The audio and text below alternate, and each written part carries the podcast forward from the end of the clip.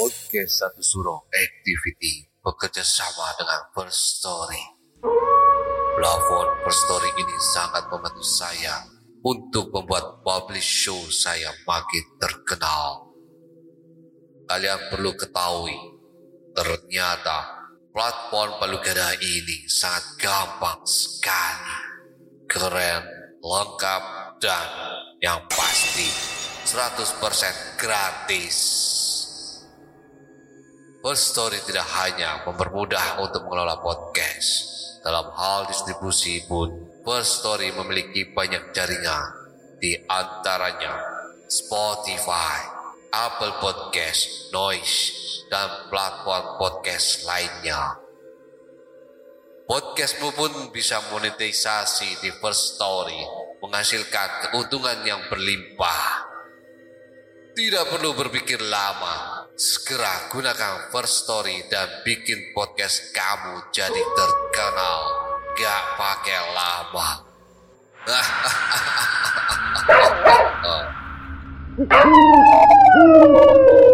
Sugeng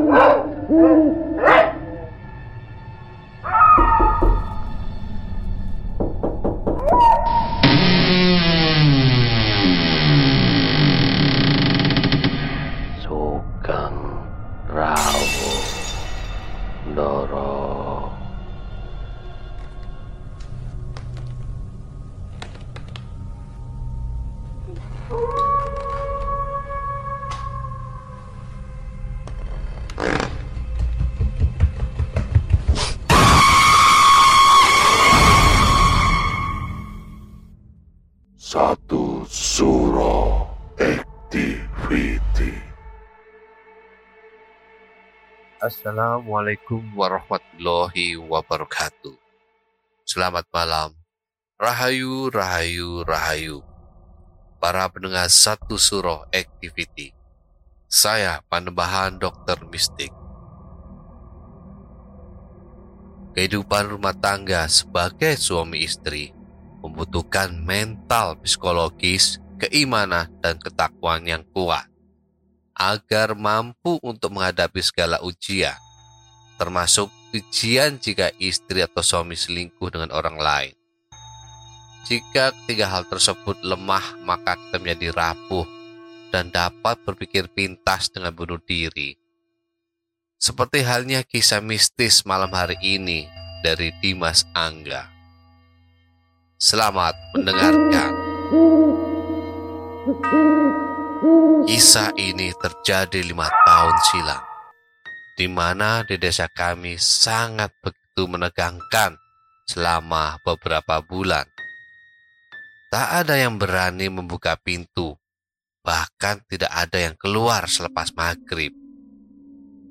Semua orang enggan keluar rumah jika tidak ada keperluan yang mendesak. Hal ini disebabkan adanya teror ketuk pintu di malam hari yang di mana bukan oleh manusia. Akan tetapi oleh sosok yang menyerupai sosok pocong. Hal tersebut terjadi setelah sebelumnya. Sebut saja Pak Ujang meninggal dunia karena dalam keadaan tak wajar.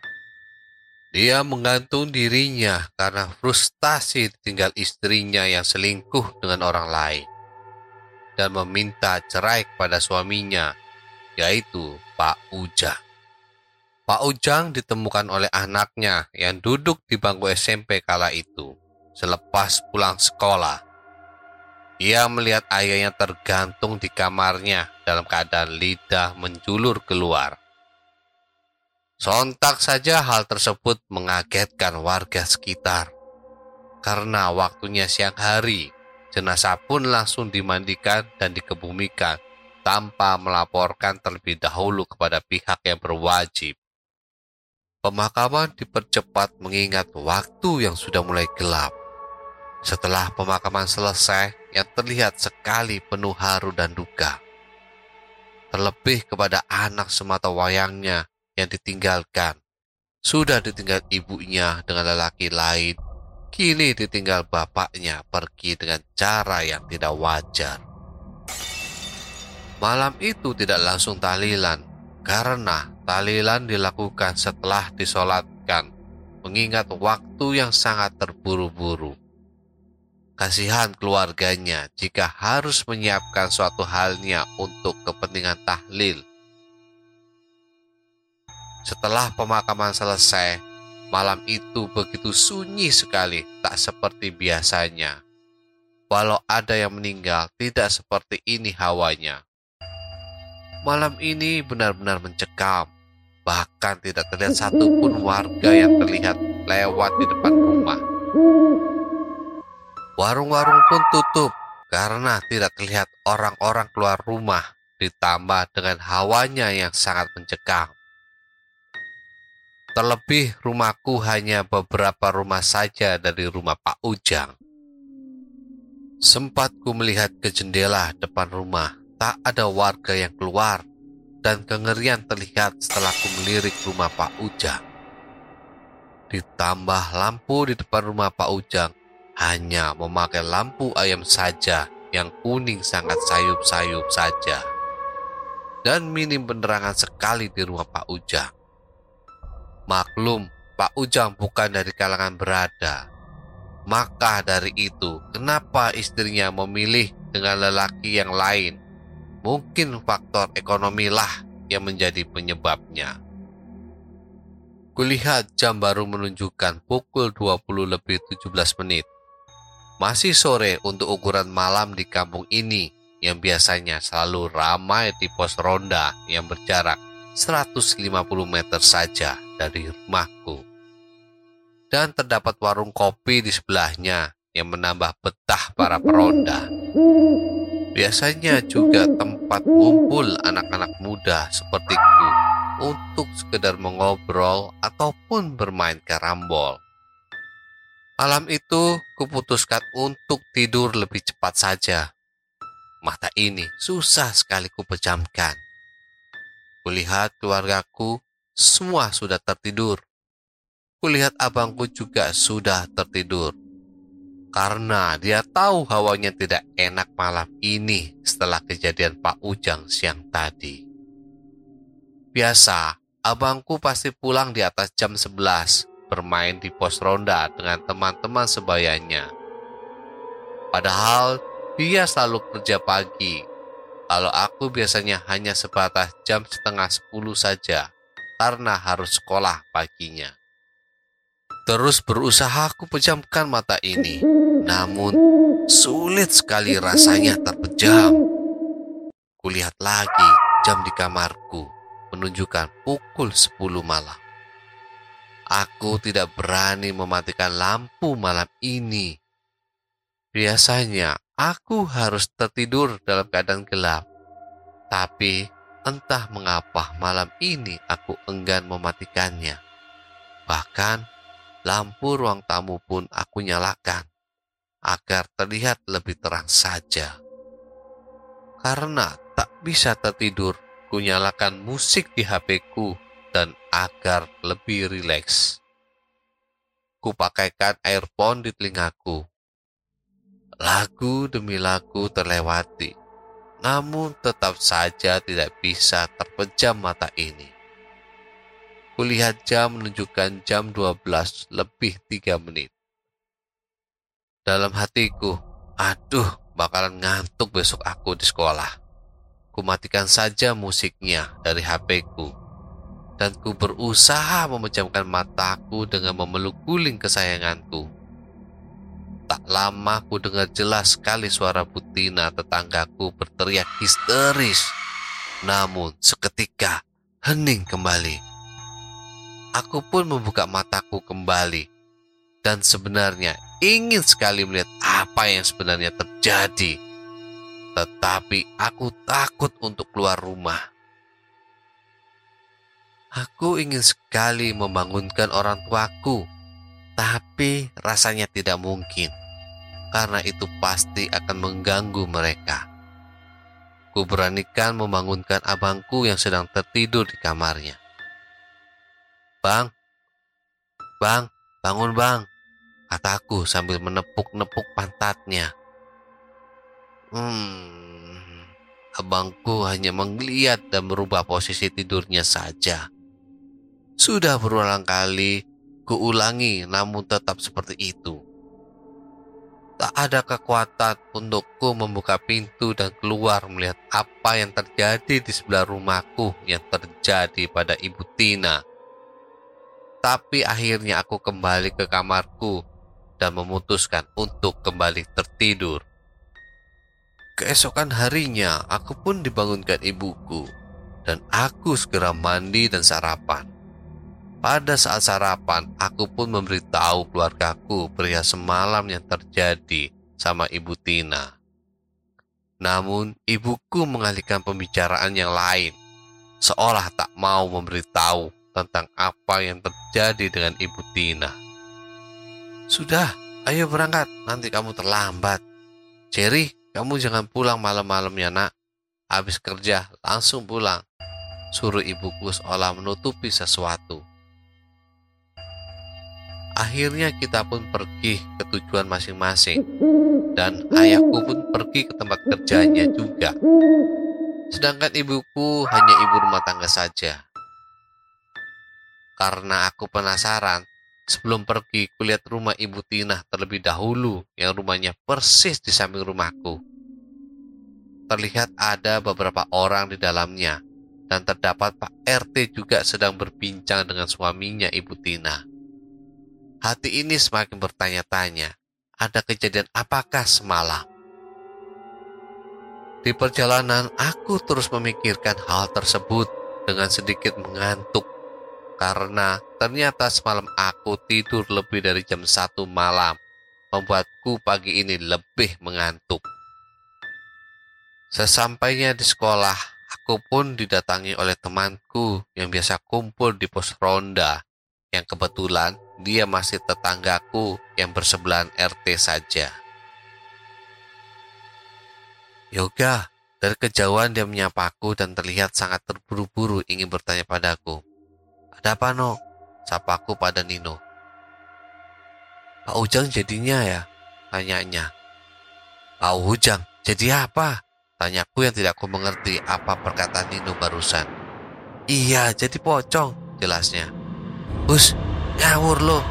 Jangan bikin fitnah gitu. Dia tetangga gue.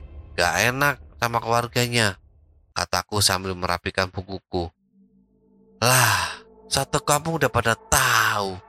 Masa lu belum tahu?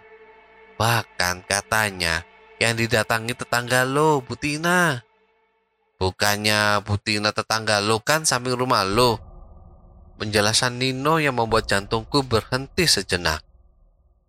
Jadi semalam itu aku pun terhenti. Semalam kenapa enggak? Tanya Nino penasaran. Gak apa-apa kok, kataku sambil mengalihkan Nino. Pasti lo dengar sesuatu nih. Buat tahu. Secara rumahnya Putina ada di sebelah rumah lo, jelas Nino. Lo jangan bilang siapa-siapa ya. Iya, semalam gue dengar Ibu Tina teriak. Dan setelah itu langsung hening lagi. Posisi gue gak bisa tidur. Gue udah bangunin abang gue. Cuma dia gak mau bangun. Terus karena gue gak berani keluar sendiri, akhirnya gue ke kamar gue lagi dan ketiduran. Jelasku pada Nino. Berarti bener gak? Kata tetangga gue sih ya. Katanya semalam itu rumah Butina ada yang ngetuk. Pas dia buka ternyata armau Pak Ujang yang masih terbalut kain kafannya dengan lidah menjulur keluar. Dan semalam Butina langsung pingsan. Dia kira suaminya yang pulang kerja.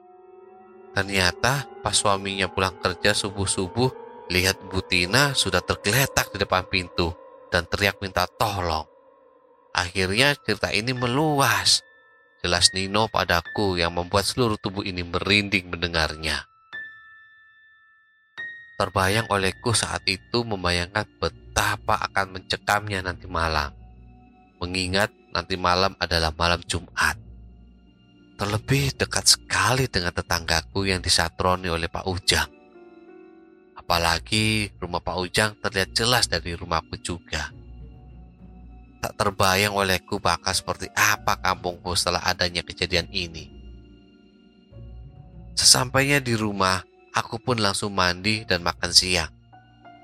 Pada saat makan siang, aku pun bertanya kepada ibuku pria itu. Namun, ibuku seolah tak ingin tahu hal tersebut. Sudah nak, jangan ngomongin hal-hal seperti itu. Udah habis makan kamu kerjakan PR-nya. Habis itu istirahat, jelas ibuku. Aku pun menurutinya. Malam harinya aku pun diajak oleh ayahku untuk ikut tahlil. Aku pun sebenarnya tidak ingin ikut, tetapi juga tidak enak jika tidak datang, mengingat sangat dekat dengan rumah almarhum. Tidak ada percakapan sedikit pun dari warga malam itu.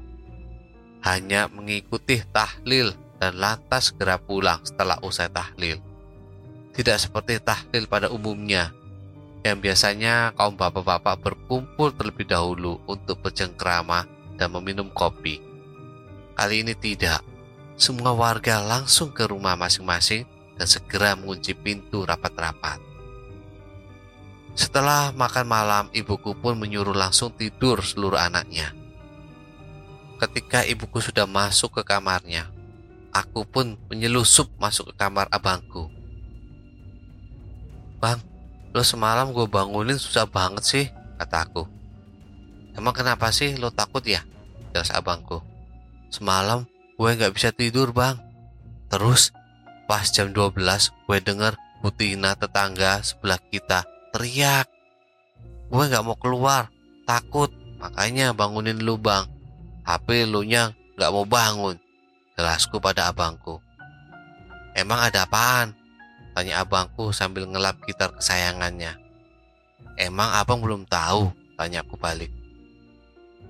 Ada apaan sih? Tanya abangku penasaran. Almarhum Pak Ujang jadi bang, kataku sambil berbisik. Jadi apaan? Lu ada-ada aja, kata abangku sambil mengerutkan dahinya. Jadi pocong bang, jelasku liri abangku seketika itu langsung melotot matanya. Seriusan lo, Yoga? Jangan ngada-ngada lo, kata abangku sambil menyibatkan lap gitarnya ke kepalaku. Seriusan bang, semua warga udah pada tahu. Bahkan semalam Butina teriak itu ternyata gara-gara almarhum Pak Ujang ngetok pintunya dan dikira suaminya yang pulang. Ternyata pocong Pak Ujang yang ketok rumahnya berdiri di depan pintu sambil menjulur lidahnya keluar. Jelasku semakin lirih. Udah, udah, jangan lu jelasin lagi. Gue mau tidur ah, kata abangku sambil menaruh gitarnya. Abang, gue tidur sama lu ya, mintaku memelas. Kenapa lu? Takut lu ya, ejek abangku. Iya bang, gue takut, jawabku semakin memelas. Ogah, lu tidur sendiri sono, kata abangku sambil sedikit mengusirku. Padahal aku sangat takut malam itu. Tapi ya sudahlah, dengan perasaan kengerian yang menyelimuti hati ini, ku beranikan diri untuk tidur sendiri malam ini di kamarku. Dan ku chat Nino untuk mengusir hawa ketakutanku. Udah tidur belum lo? Tanyaku pada Nino. Belum nih, baru mau tidur, jawab Nino. Gimana, di sana aman? Tanya Nino. Alhamdulillah aman, jawabku. Ingat, kalau ada yang ketuk pintu, jangan lo buka ya. Nino pun mengingatkanku. Iya, beres, jawabku singkat. Dan aku pun tertidur pada saat itu. Pada saat aku tertidur, benar saja ada yang mengetuk pintu rumahku. Aku pun terbangun.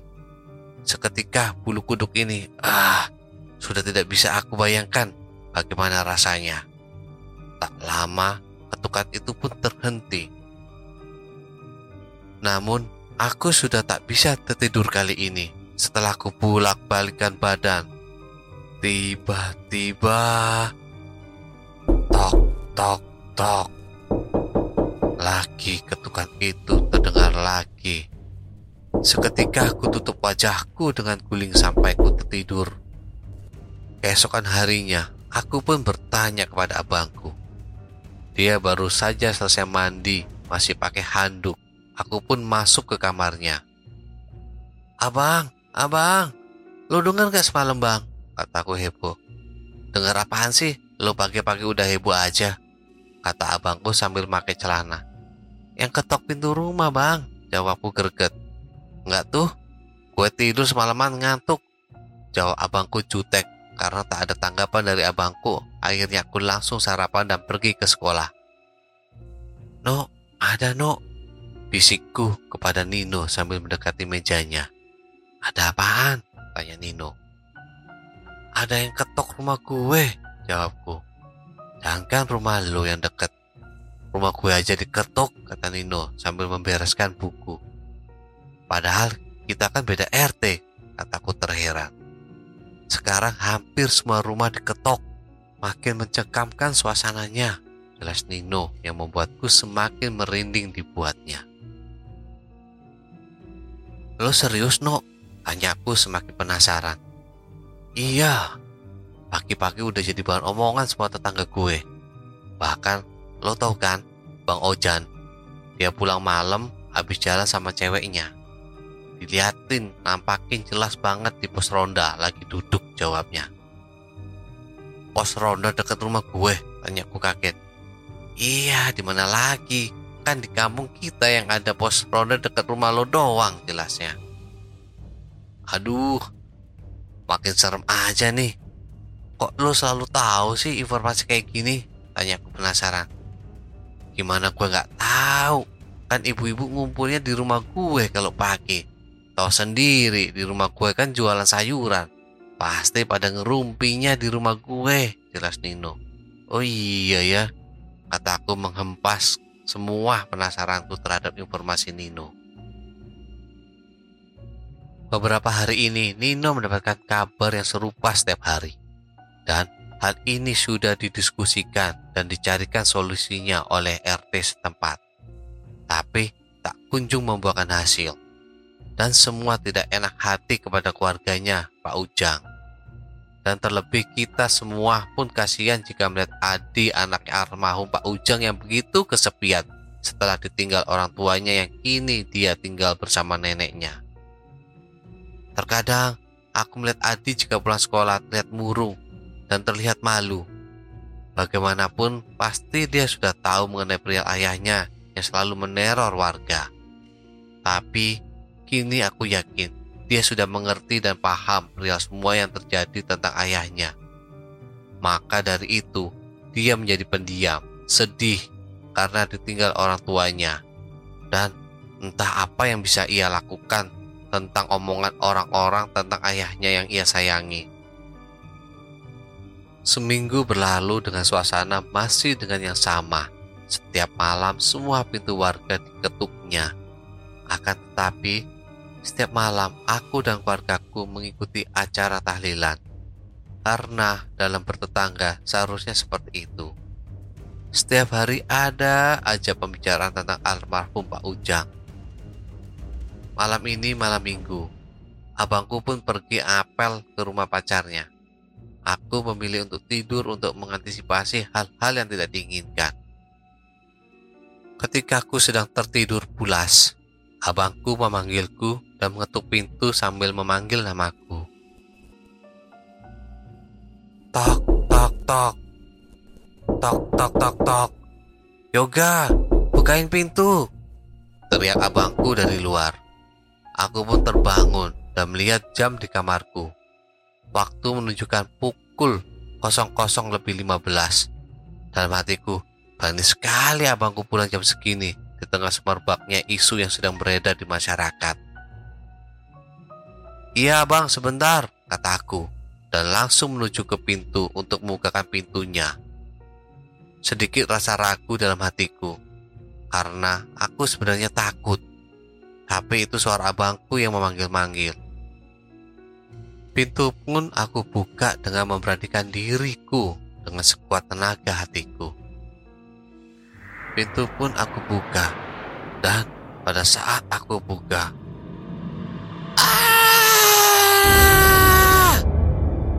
teriakku sejadi-jadinya.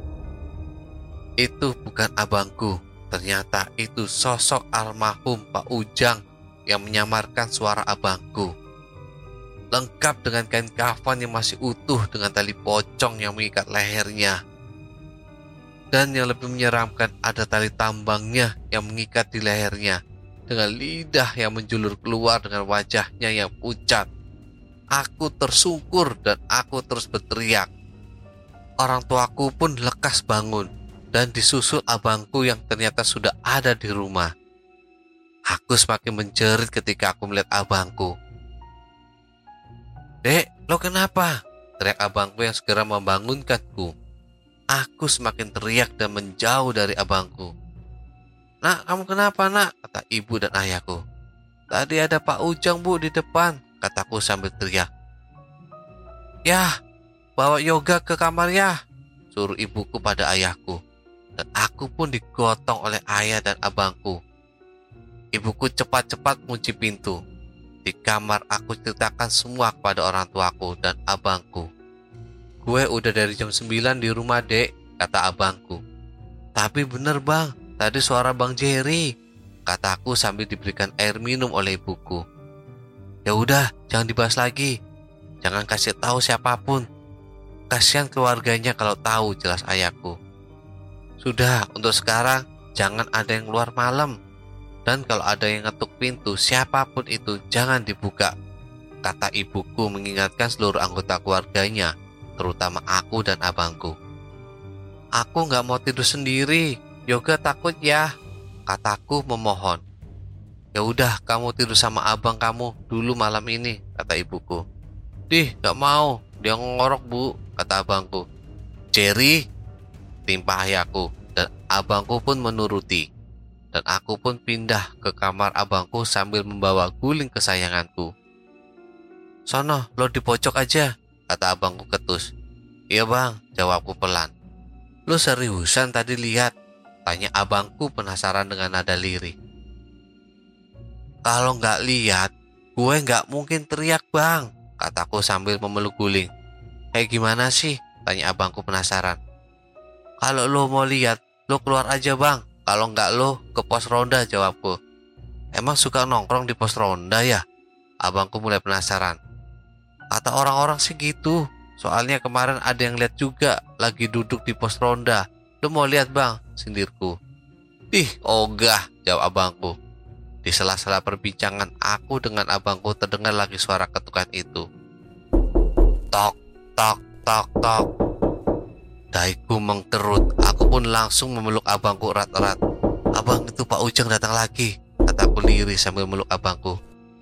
Gue engap, Jangan kenceng-kenceng meluk gue nya, kata abangku sambil melepaskan tanganku dari pelukannya. Abang gua takut, kataku sambil menyembunyikan wajahku dan ngumpet di ketek abangku. Iya, gue juga sama. Tapi gue ngep, dek. Gila lo, gue gak bisa nafas, kata abangku. Tapi aku tak peduli, trauma sekali aku melihatnya. Akhirnya kita berdua pun masuk dalam selimut. Udah lo diam, jangan berisik, kata abangku sambil menenangkanku. Udah tidur aja, suruh abangku yang sepertinya dia juga mulai mencut nyalinya dan suara ketukan itu pun hilang dan kami pun tertidur. Keesokan harinya, karena semua libur dikarenakan hari Minggu, aku pun memilih untuk di rumah saja. Ketika sedang sarapan, ibu pun berpesan kalau kejadian semalam tidak usah diberitahu siapa pun, karena bagaimanapun Pak Ujang tetangga yang baik dan suka membantu siapa pun tanpa pamrih. Mungkin cara meninggalnya saja yang tidak wajar. Dan sejak saat itu, banyak ku dengar kesaksian dari warga yang lain yang menyerupai suara anggota keluarganya untuk dibukakan pintu. Ada yang menyaksikan Pak Ujang sedang menggantung lengkap dengan pocongnya dan tali tambangnya di pohon nangka dekat rumah Nino. Ada juga yang dihadang di pinggir jalan saat dia pulang kerja, sedang duduk di pos ronda. Ada yang melihat dari balik jendelanya Pak Ujang sedang menarik tali tambangnya sambil melompat-lompat. Dan yang menyeramkan, Pak Tono, tetangga Nino melihat di spion motornya terlihat ada sosok Pak Ujang yang berada di jok belakangnya pada saat akan bekerja malam hari. Hal tersebut sungguh mengganggu aktivitas warga dan sudah di luar batas wajar. Maka Dari itu, aparat desa yang tahu hal ini sudah berupaya dengan beberapa ustadz dan kiai untuk menangani masalah tersebut. Karena hal ini sangat mengganggu masyarakat sekitar. Pihak warga pun akhirnya meminta maaf atas apa yang dilakukan teror oleh Pak Ujang di kampung ini.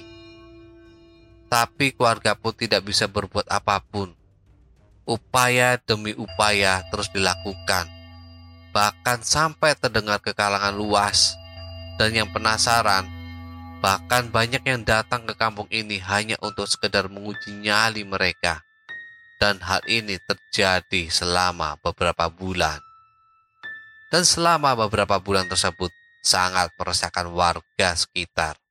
Sehingga akhirnya teror itu pun meredah dengan sendirinya. Terbesit beberapa pertanyaan. Pertama, apa yang kalian rasakan jika kalian ada di posisi Adi anaknya almarhum Pak Ujang dan keluarganya? Kedua, bagaimana jika kalian mengalami langsung bertemu dengan sosok almarhum Pak Ujang? Ketiga, apa yang kalian pikirkan ketika malam hari ada yang mengetuk rumah kalian? Para sahabat satu suro activity, itulah tadi kisah mistis dari Dimas Angga yang terjadi di desanya, yaitu teror sosok pocong yang menyerupai almarhum Pak Ujang yang meninggal gantung diri. Bunuh diri merupakan salah satu dosa besar yang di mana pelaku bunuh diri untuk rohnya tidak bisa diterima oleh bumi konon katanya. Para sahabat satu suro activity, hikmah yang dapat kita ambil yaitu hendaklah selalu bersabar dalam menghadapi ujian kesulitan apa pun dan berdoalah kepada Allah untuk diberikan solusi dari setiap kesulitan ujian yang dihadapi. Semoga arwah almarhum Pak Ujang mendapatkan tempat para sahabat satu suro activity. Tinggalkan catatan doa kalian di kolom komentar, like, subscribe, dan bunyikan lonceng keramatnya. Para sahabat satu suro activity, tetaplah iling lan waspodo. Assalamualaikum warahmatullahi wabarakatuh. Salam, salam, salam. Rahayu, rahayu, rahayu.